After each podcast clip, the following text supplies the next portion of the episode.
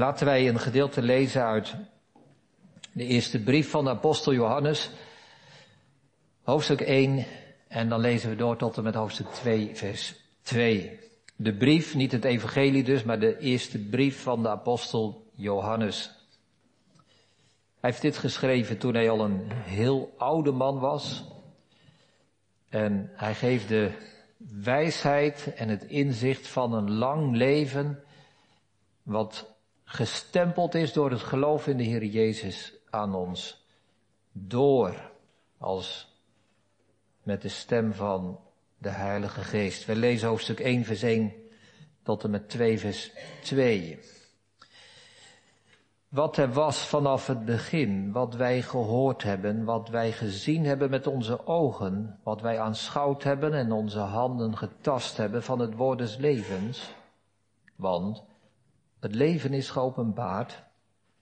Wij hebben het gezien en wij getuigen en verkondigen u het eeuwige leven dat bij de Vader was en aan ons is geopenbaard.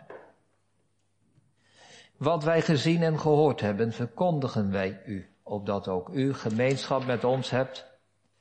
En deze gemeenschap van ons is er ook met de Vader en met zijn Zoon Jezus Christus. En deze dingen schrijven wij u, opdat uw blijdschap volkomen wordt. En dit is de boodschap die wij van Hem gehoord hebben en aan u verkondigen. Dat God licht is en dat in Hem in het geheel geen duisternis is. Als wij zeggen dat wij gemeenschap met Hem hebben en wij toch in de duisternis wandelen, liegen wij en doen de waarheid niet. Maar als wij in het licht wandelen, zoals Hij in het licht is, hebben wij gemeenschap met elkaar. En het bloed van Jezus Christus, Zijn Zoon, reinigt ons van alle zonden.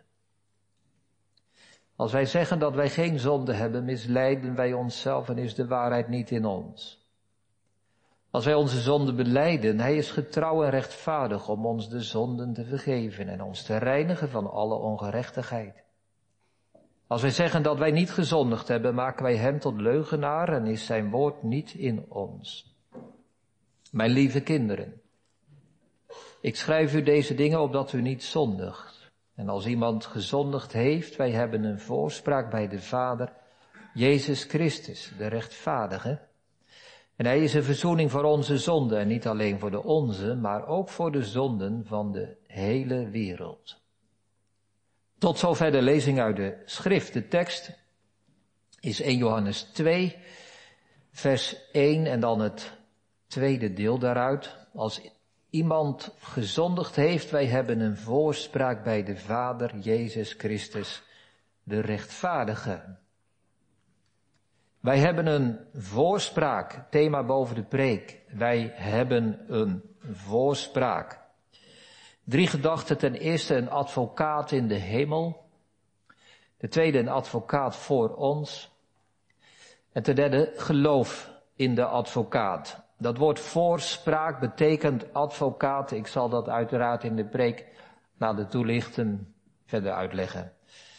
Een advocaat in de hemel. De Heer Jezus is naar de hemel gevaren om bij God onze voorspraak te zijn. Ten tweede, hij is een advocaat voor ons. Ik zal daar alle nadruk op leggen dat hij dat doet voor ons, voor onze zekerheid, ons ten goede. En dan ten derde, geloof in de advocaat. Dat gaat over, zeg maar, de, de praktische vraag als wij deze tekst horen. De uitleg ervan. Wat betekent dat dan voor ons in de praktijk van ons geloofsleven om deze advocaat te geloven? Gemeente, boven de preek schrijven wij als thema, wij hebben een voorspraak, onze eerste gedachte, een advocaat in de hemel. Laat ik meteen aan het begin van de preek dit zeggen. De hele preek gaat vanmorgen over één woordje, over voorspraak. Wij hebben een voorspraak. Dus ik zal niet in de preek allemaal lijnen trekken door, door de brief, eerste brief van Johannes heen, naar andere Bijbelboeken, ik richt me vooral op dat ene woordje, wat wil het zeggen dat Jezus Christus onze voorspraak is. De rechtvaardige is de voorspraak bij de Vader als wij gezondigd hebben. Wel, wij weten dat de Heer Jezus op aarde het werk van de priester heeft gedaan. Een priester had als taak om een offer te brengen. En Jezus heeft een offer gebracht, zijn eigen lichaam. Hij heeft zichzelf geofferd. En nu is daarmee zijn werk als priester niet afgerond, want een priester had nog een andere taak. Een priester moest ook bidden. We zien dat duidelijk in Lucas hoofdstuk 1. Als daar Zacharias eerst het offer brengt in de tempel. En vervolgens gaat hij naar buiten waar de mensen op hem staan te wachten, omdat ze weten dat hij voor hen zal bidden en hen zal zegenen. En in dat geval, hè, hij kon niet meer praten, dat weten de kinderen, dus hij moest maar wenken dat ze weg moesten gaan. Maar normaal gesproken zijn dat de taken van een priester, offeren en bidden. Dat zien we bij Jezus ook. Toen hij zijn werk op aarde, het brengen van het offer had afgerond, had volbracht, is hij ten hemel gevaren om daar voor ons te bidden. Om voorspraak te zijn. Wat is een voorspraak? Dat is een advocaat. Iemand die voor jou, in jouw plek, gaat spreken.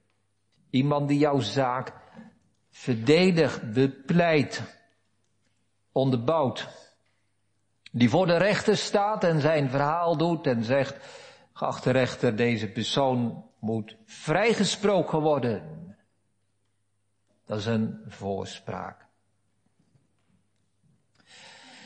Waarom is het goed gemeente om hierbij stil te staan? Wat dit betekent? Nou, ook wel omdat wij, omdat wij zomaar verkeerde gedachten zouden kunnen krijgen als wij beginnen na te denken over dit Bijbelse beeld van een advocaat.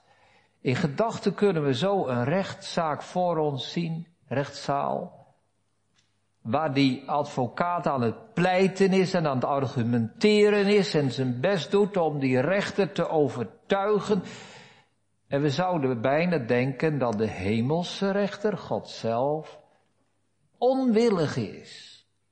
Niet bereid om ons vrij te spreken. Dus de taak, denken wij, hè, de taak van die advocaat is om die rechter om te praten, te beïnvloeden, dat hij met zijn argumenten als het ware wel gaat dwingen om een vrijspraak uit te spreken. Dus die advocaat is wel gewillig, maar die rechter, hè, is die rechter wel gewillig. Zonder advocaat zouden wij denken, is onze zaak hopeloos en bij voorbaat verloren. Maar dat gemeente, dat is beslist niet waar. Dat is niet waar. Als we kijken naar die voorspraak, als we nadenken over de hemelvaart van Christus, moeten wij wel de andere helsfeiten niet overslaan, want dat offer is gebracht. Christus heeft zichzelf in de dood overgegeven en God heeft hem uit de dood opgewekt. En daarmee gezegd, het offer is aanvaard, de verzoening is gebracht. Paulus zegt in Romeinen 1, vers 4 dat Jezus krachtig is bewezen de zoon van God te zijn door de opstanding uit de doden. En daarom is die opstanding ook wel de rechtvaardiging van Christus, zoals we dat zeggen. Gerechtvaardigd in de geest, zegt Paulus. Hier geeft Johannes dat aan in dat ene woordje, de rechtvaardige. Jezus Christus, de rechtvaardige. God heeft al gezegd, Jezus, ik heb zijn offer aanvaard. Hij is de dood ingegaan, ik heb hem uit de dood opgewekt en daarmee gezegd dat de hitte van mijn gramschap is geblust. Dus gemeente, we moeten niet denken dat God nog verzoend moet worden en dat die advocaat in de hemel bezig is om op God in te praten, bij wijze van spreken, om God tot andere en betere en gunstiger gedachten te krijgen. Want dat is gebeurd aan het kruis toen Christus zijn bloed vergoten heeft. Luister naar teksten als deze, Romeinen 4, vers 25. Hij is overgeleverd om onze zonden, opgewekt tot onze rechtvaardiging. Vrijspraak. In Korinthe 15, vers 3 en 4. Ik heb u overgeleverd, zegt Paulus, dat Christus overgeleverd is voor onze zonden. Overeenkomstig de schriften. En dat hij is begraven en opgewekt op de derde dag overeenkomstig de schriften. Als wij dus hier lezen over een voorspraak, iemand die voor ons pleit, gemeente, dan moeten wij dan niet lezen alsof, alsof de Heer Jezus God tot andere gedachten moet brengen. Dat hij ja, ik zou bijna zou zeggen, ik zou bijna zeggen dat hij aan het zeuren is bij God om God maar als rechter gewillig te krijgen, hem te beïnvloeden met zijn argumenten, te smeken, vragen te stellen enzovoort. Nee, dat is niet waar. Als wij zo denken, gemeente, hebben we geen goed beeld van God. Luister naar een tekst uit Johannes 16. Luister, ik zeg u niet, zegt Jezus. Ik zeg u niet dat ik de Vader voor u vragen zal, want de Vader zelf heeft u lief. Dus de Vader en de Zoon vormen een eenheid. En de rechter heeft het recht lief.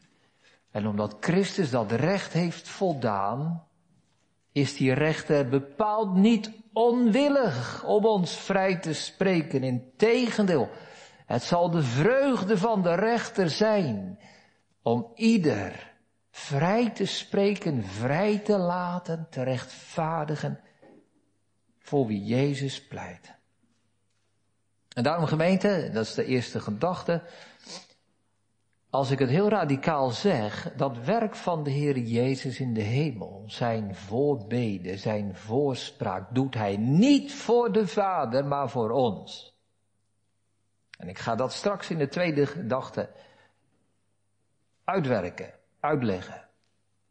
Hij doet dat niet omwille van de Vader, maar hij doet dat omwille van ons. Het gaat, als we die woorden uh, uh, als dat ons meer helpt. Het gaat niet om de objectieve zijde van, van de vrijspraak, maar de subjectieve, de persoonlijke ervaring daarvan, de vreugde daarvan. Er staat in vers 4, deze dingen schrijven wij opdat uw blijdschap volkomen wordt. Nou, daar gaat het om, hè? dat het in ons hart de vreugde geeft en de blijdschap, als wij weten wat Christus in de hemel doet. Dus we gaan naar onze tweede gedachte. Een advocaat voor ons. Kinderen, jullie weten misschien niet helemaal wat een advocaat is. Het is ook een beetje een moeilijk woord. Als je advocaat wil worden, moet je heel lang studeren. En uiteindelijk krijg je dan dit beroep. Nou, wat doet zo'n man of vrouw, zo'n advocaat? Stel je voor dat er iemand door de politie is opgepakt. En die persoon die moet de gevangenis in. En die moet voor de rechter verschijnen. En de politie zegt, wij denken dat je iets verschrikkelijk ergs hebt gedaan. Je wordt daarvan verdacht en beschuldigd. En die persoon zit daar in de gevangenis te wachten op de rechtszaak. En hij denkt, maar ik ben niet schuldig. Er is hier iets heel erg fout gegaan. Ik wil mezelf verdedigen. Ik wil het uitleggen aan de rechter.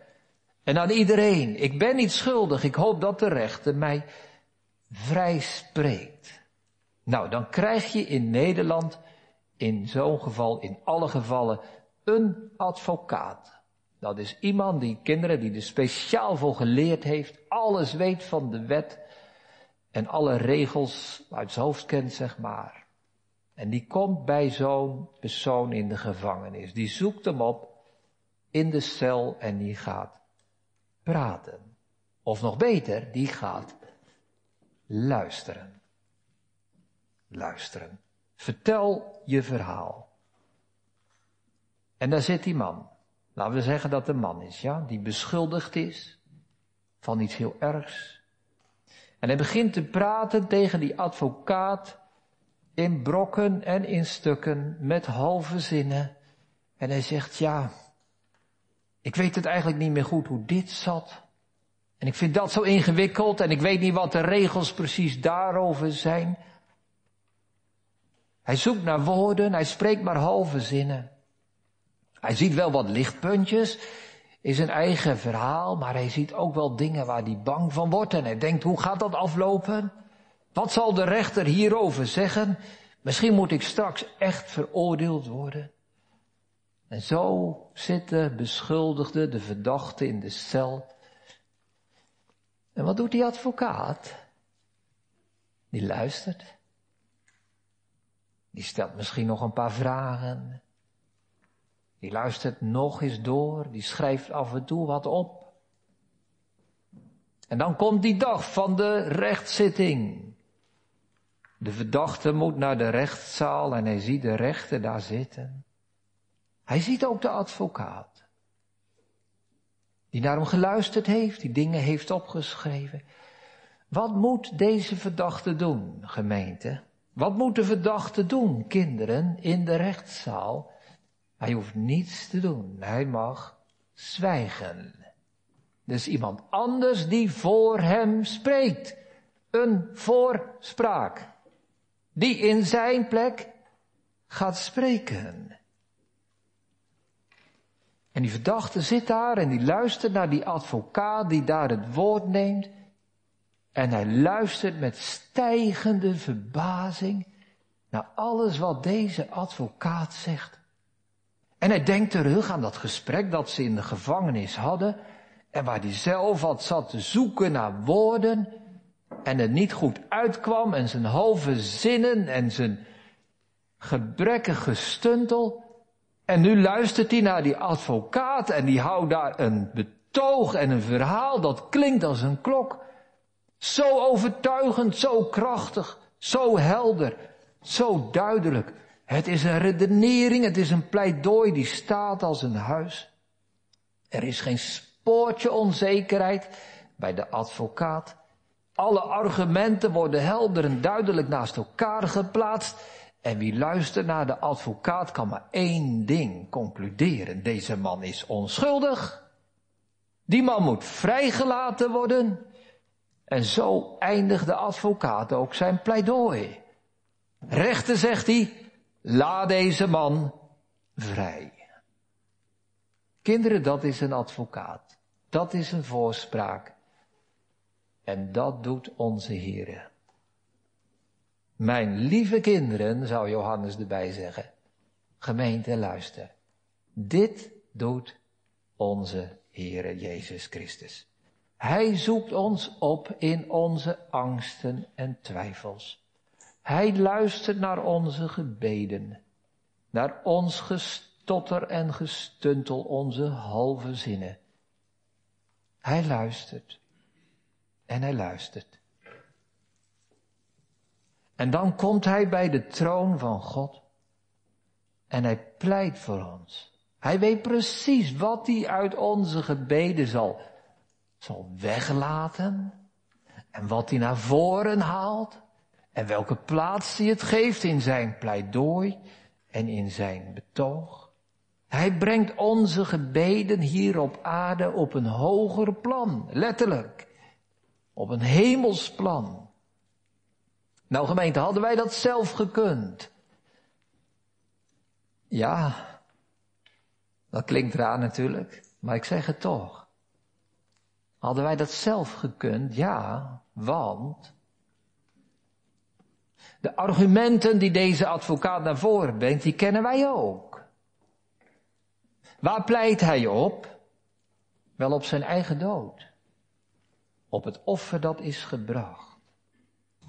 Dus onze gebeden die wij hier op aarde stamelen en zijn voorbeden en voorspraken in de hemel, dat is niet een tegenstelling.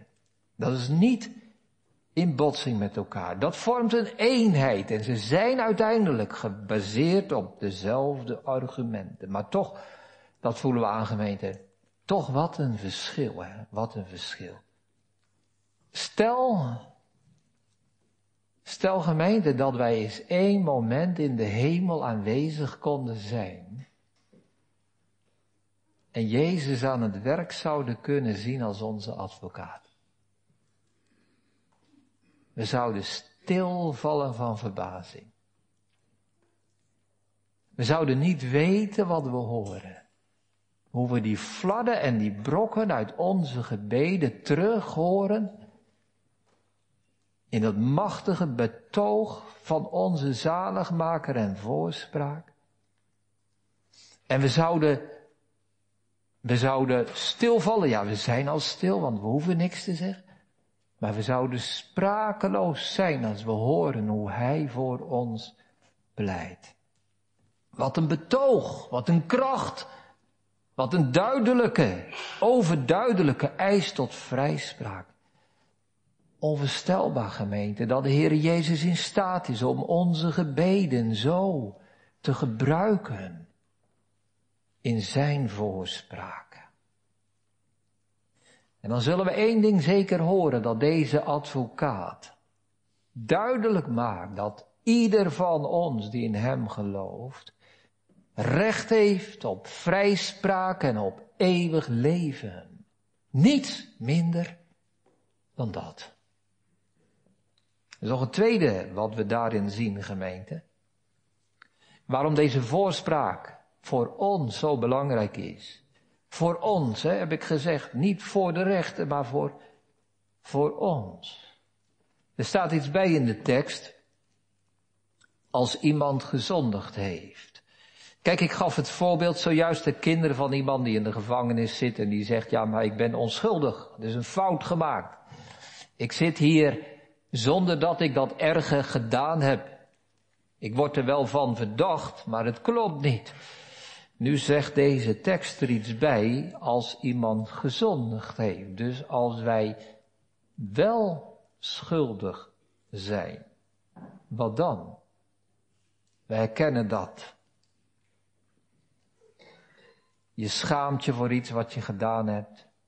Je weet je schuldig. En je moet voor jezelf opkomen. Je moet je eigen situatie verdedigen. Je moet toch op je rechten staan. Ik moest in de voorbereiding denken aan mensen die gescheiden zijn. En dat ik hieraan dacht komt ook omdat ik in de loop der jaren heel wat mensen gesproken heb, ontmoet heb, begeleid heb, die in die situatie zitten. En je voelt de gebrokenheid van je leven en de schuld wellicht en de schaamte. Je kijkt terug op je leven en je ziet alles wat er zo anders gelopen is dan je dacht. Veel mensen die gescheiden zijn, moeten verhuizen, je moet het huis uit, andere plek zoeken enzovoort. En dan moet je wellicht ook naar een andere gemeente opzoeken, een kerkelijke gemeente. En wat dan? Nou gemeente, ik heb het gezien van dichtbij, hoe moeilijk dat kan zijn. Want dan denk je, ja, ik moet er naartoe. En ik moet die kerkraad gaan vragen of ik daar lid mag worden. En ik denk dat dat moet mogen, dat ik recht heb. Maar ik durf het eigenlijk niet te vragen. Want ik schaam mij.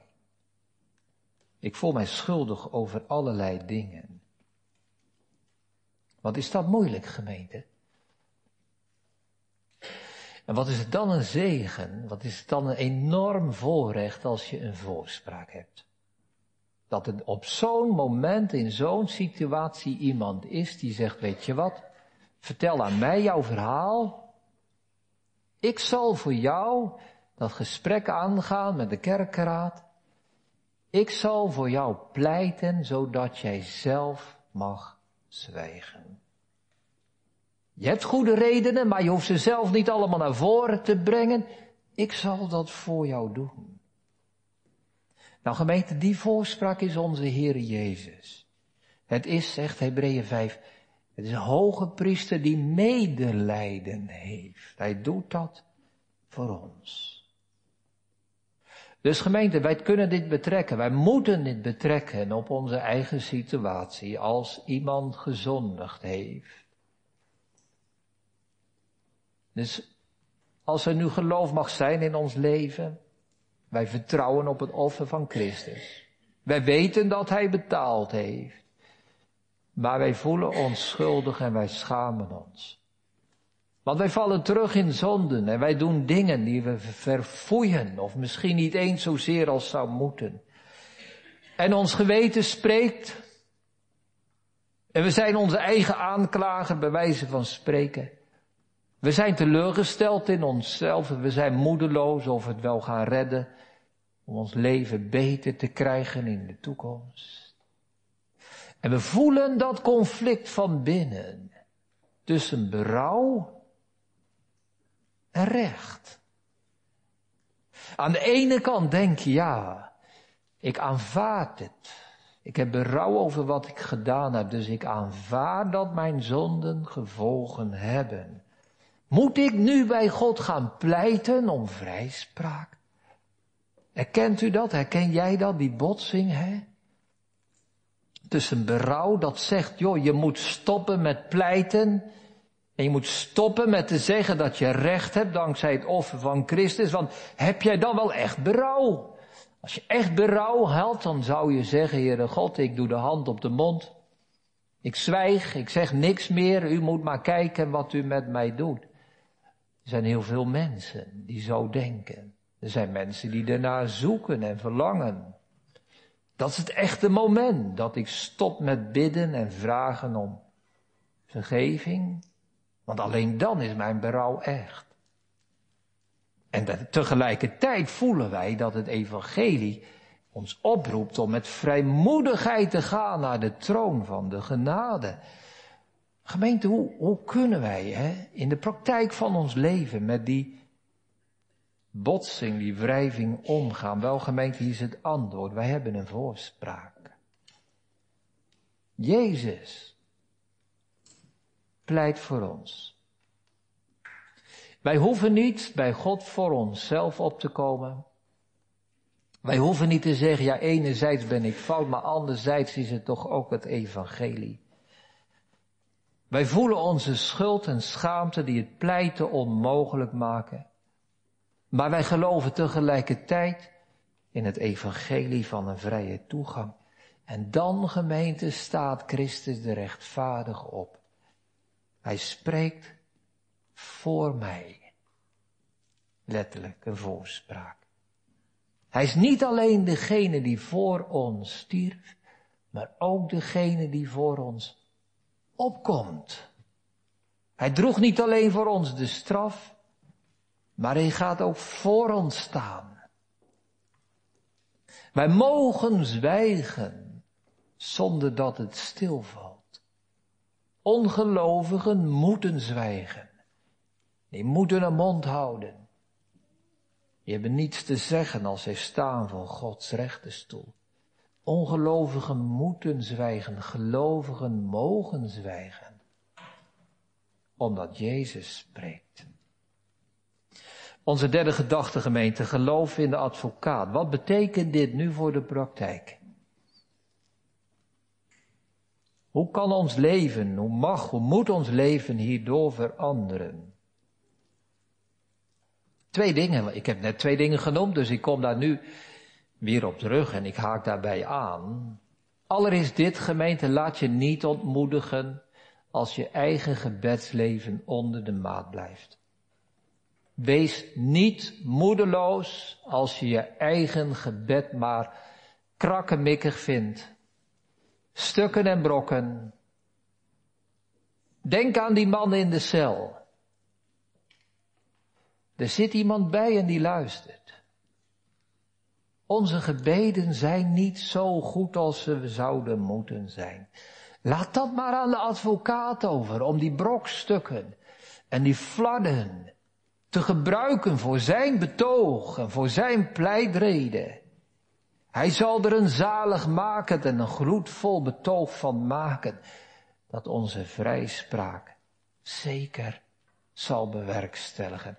En daarom gemeente, geloof geloof in advocaat. Wij zijn geen goede gelovigen als we goed kunnen bidden of mooi kunnen bidden of lang kunnen bidden en onze concentratie zo lang kunnen vasthouden. Wij zijn gelovigen als wij geloven. Geloof in de advocaat. Ik las bij Luther. Luther heeft de voorrede, of heeft de verklaring geschreven over Johannes 17, het hoge gebed. En in de voorrede bij dat boekje geeft hij het volgende verhaaltje door. Luister maar kinderen, er was een keer een man en die klaagde erover dat hij zo moeilijk kon bidden. Hij zegt, als ik probeer om het onze vader te bidden, ik, ik, het lukt mij niet om dat hele gebed te bidden en mijn gedachten, mijn concentratie erbij te houden. Nou kinderen, jullie kennen misschien het Onze Vader ook wel uit je hoofd. Het is niet zo lang hè. Maar die man zei, het lukt mij niet. En een andere man die hoorde dat en die zei, uh, echt niet? Aan mij wel hoor, ik kan dat wel. Ik kan mijn gedachten er wel zo goed bij houden. En die twee mannen die, die maakten een weddenschap. Die eerste man die niet zo goed kon bidden, die zei tegen die tweede, als jij het onze vader kan bidden zonder dat jouw gedachten afdwalen, krijg jij van mij een paard. Nou, in die tijd, een paard, nog steeds, maar toen ook. Paard is duur, hè? Dat is goed, zei die tweede man. Weddenschap gesloten. Als ik het onze vader bid, en ik houd mijn gedachten erbij, krijg ik van jou een paard. En die man die begon te bidden. Onze vader die in de hemelen zijt. En hij was klaar met bidden en die eerste man vroeg, en, kon je gedachten erbij houden?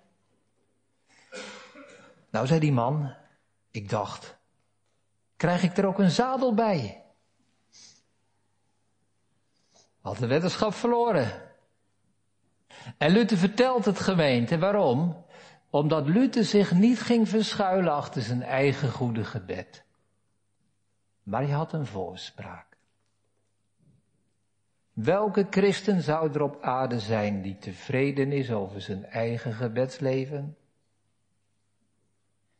Maar wij hebben een voorspraak die voor ons pleit. Tweede, dit gemeente sluit aan bij het tweede punt wat ik net heb genoemd. Laat het pleiten aan Christus over. Wij hoeven niet onze eigen zaak te bepleiten bij God. Wij hoeven onszelf niet te verdedigen. Hij doet dat. En hij kan het zoveel beter dan wij. En ik heb gezegd, de derde gedachte gaat over de praktijkgemeente. Nou, hier komt het. Hoeveel christenen zijn er niet? Die leven bij het offer van Christus. Die geloven dat het offer is gebracht en dat het een betaling is voor de zonden van de hele wereld, zoals er staat in vers 2. Over Christus zijn er niet die geloven in de opstanding van Christus. En dan stopt het. En die voorbeden, die hemelvaart van Christus, heeft geen plaats in hun leven. Zij denken dat zij zelf nu moeten gaan pleiten. Alsof zij zelf zich moeten verdedigen. Alsof ik voor mijzelf bij God moet opkomen. Als geloven een soort vorm van assertiviteit is. Je durft wel op te komen voor jezelf. Alsof de beste christen iemand is die, die durft te pleiten. Nee, Nee, stop daarmee. Wij hebben een voorspraak. Laat dat pleiten aan Christus over. Nou gemeente, als we dit inzien, hè, dat Christus onze voorspraak is, dan wordt ons geloofsleven anders. Dan eindigen wij elk gebed met het woordje amen. Ja, dat doen we al. Maar wat betekent dat? De catechismus zegt, amen betekent dat ik erken en beleid dat mijn gebed veel zekerder van God is verhoord dan dat ik dat in mijn hart gevoel. Wij sluiten ons gebed af met het woordje amen, omdat wij een voorspraak hebben die ons gebed zuivert. En daar mogen wij zeker van zijn. Jezus is daar niet voor de Vader, maar voor ons. Hij is gestorven inderdaad om ons te verlossen. Hij is ten hemel gevaren om ons daar zeker van te maken. En ons daarbij te laten leven. Hoeveel christenen zijn er niet gemeente? Die vooral klagen over een slechte gebedsleven en een gebrekkige geloof. Het zal allemaal waar zijn en het is waar. Maar het doet geen recht aan het werk van onze voorspraak. Uiteindelijk gemeente komen al die lijntjes samen hè, in die vraag naar de zekerheid van het geloof. En die zekerheid van het geloof, die is gebaseerd op het werk van de Heer Jezus Christus. En ik begrijp het heel goed, gemeente. We kunnen wat klagen. En we kunnen onzeker zijn over onszelf. En we hebben last van twijfel. En we blijven zondaren. Maar waar is Jezus in heel ons verhaal over onszelf? Hebben wij dan geen voorspraak? Hebben wij dan geen advocaat die voor ons naar de hemel is gegaan, zodat wij zeker mogen zijn? En daarom, al zijn we zwak gelovig gemeente, we zijn toch gelovig. En we richten ons geloof op onze voorspraak. Hij zal voor ons zwijgen. Laten we dat tot ons doordringen. En schaam je diep over je ongeloof. Om de voorbeden en de voorspraak van Christus te vergeten. Als wij Hem mogen geloven in Zijn dood en opstanding, laten we dan ook in Hem geloven in Zijn hemelvaart. Als Hij je verzoener is, laat Hij ook jouw advocaat zijn. Als Hij je verlosser is, laat Hem ook je voorspraak zijn. Als je gelooft in kruis en opstanding, geloof in de hemelvaart. Zoals Paulus dat zegt in Romeinen 8. Christus die is er die gestorven is. Ja, wat meer is, die ook opgewekt is. Die ook aan de rechterhand van God is. Die ook voor ons pleit.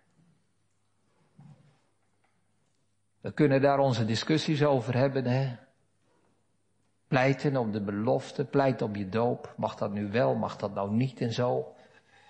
Er worden wat kerkelijke twisten over gevoerd of je wel of niet mag pleiten op je doop. Nou ik zal niet zeggen dat het niet mag. Maar laat het pleiten nu eens aan de Heer Jezus over. Laat Hem pleiten. Laat Hem voorspraak zijn. Want Hij doet het voor ons. Hij stierf om ons tot de zaligheid te brengen. Hij pleit om ons tot zekerheid te brengen. Hij stierf voor ons om het geloof te verdienen en te verwerven.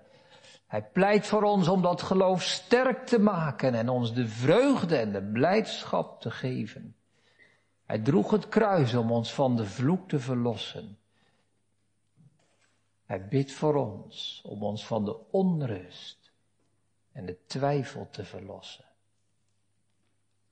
Nou gemeente, zo komt de preek tot een einde. We gaan zo naar huis. Wanneer heeft de preek zijn doel bereikt? Wanneer mag ik zeg maar als dominee tevreden zijn over de preek? Ik kan het niet bewerkstelligen, dat weet ik ook. Ik ben, maar een mens. Maar ik weet wel dat de Heilige Geest door het evangelie werkt. Wanneer heeft deze preek zijn doel bereikt als wij naar huis gaan?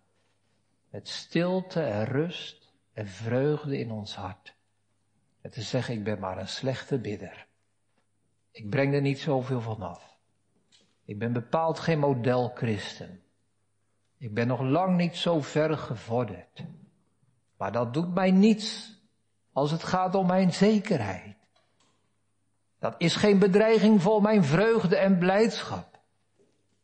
Ik blijf een zondaar, ik schaam mij voor wat ik heb gedaan en nog doe.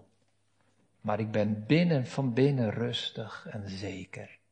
Want ik heb een voorspraak. ook als ik gezondigd heb. Jezus Christus, de rechtvaardige. Amen.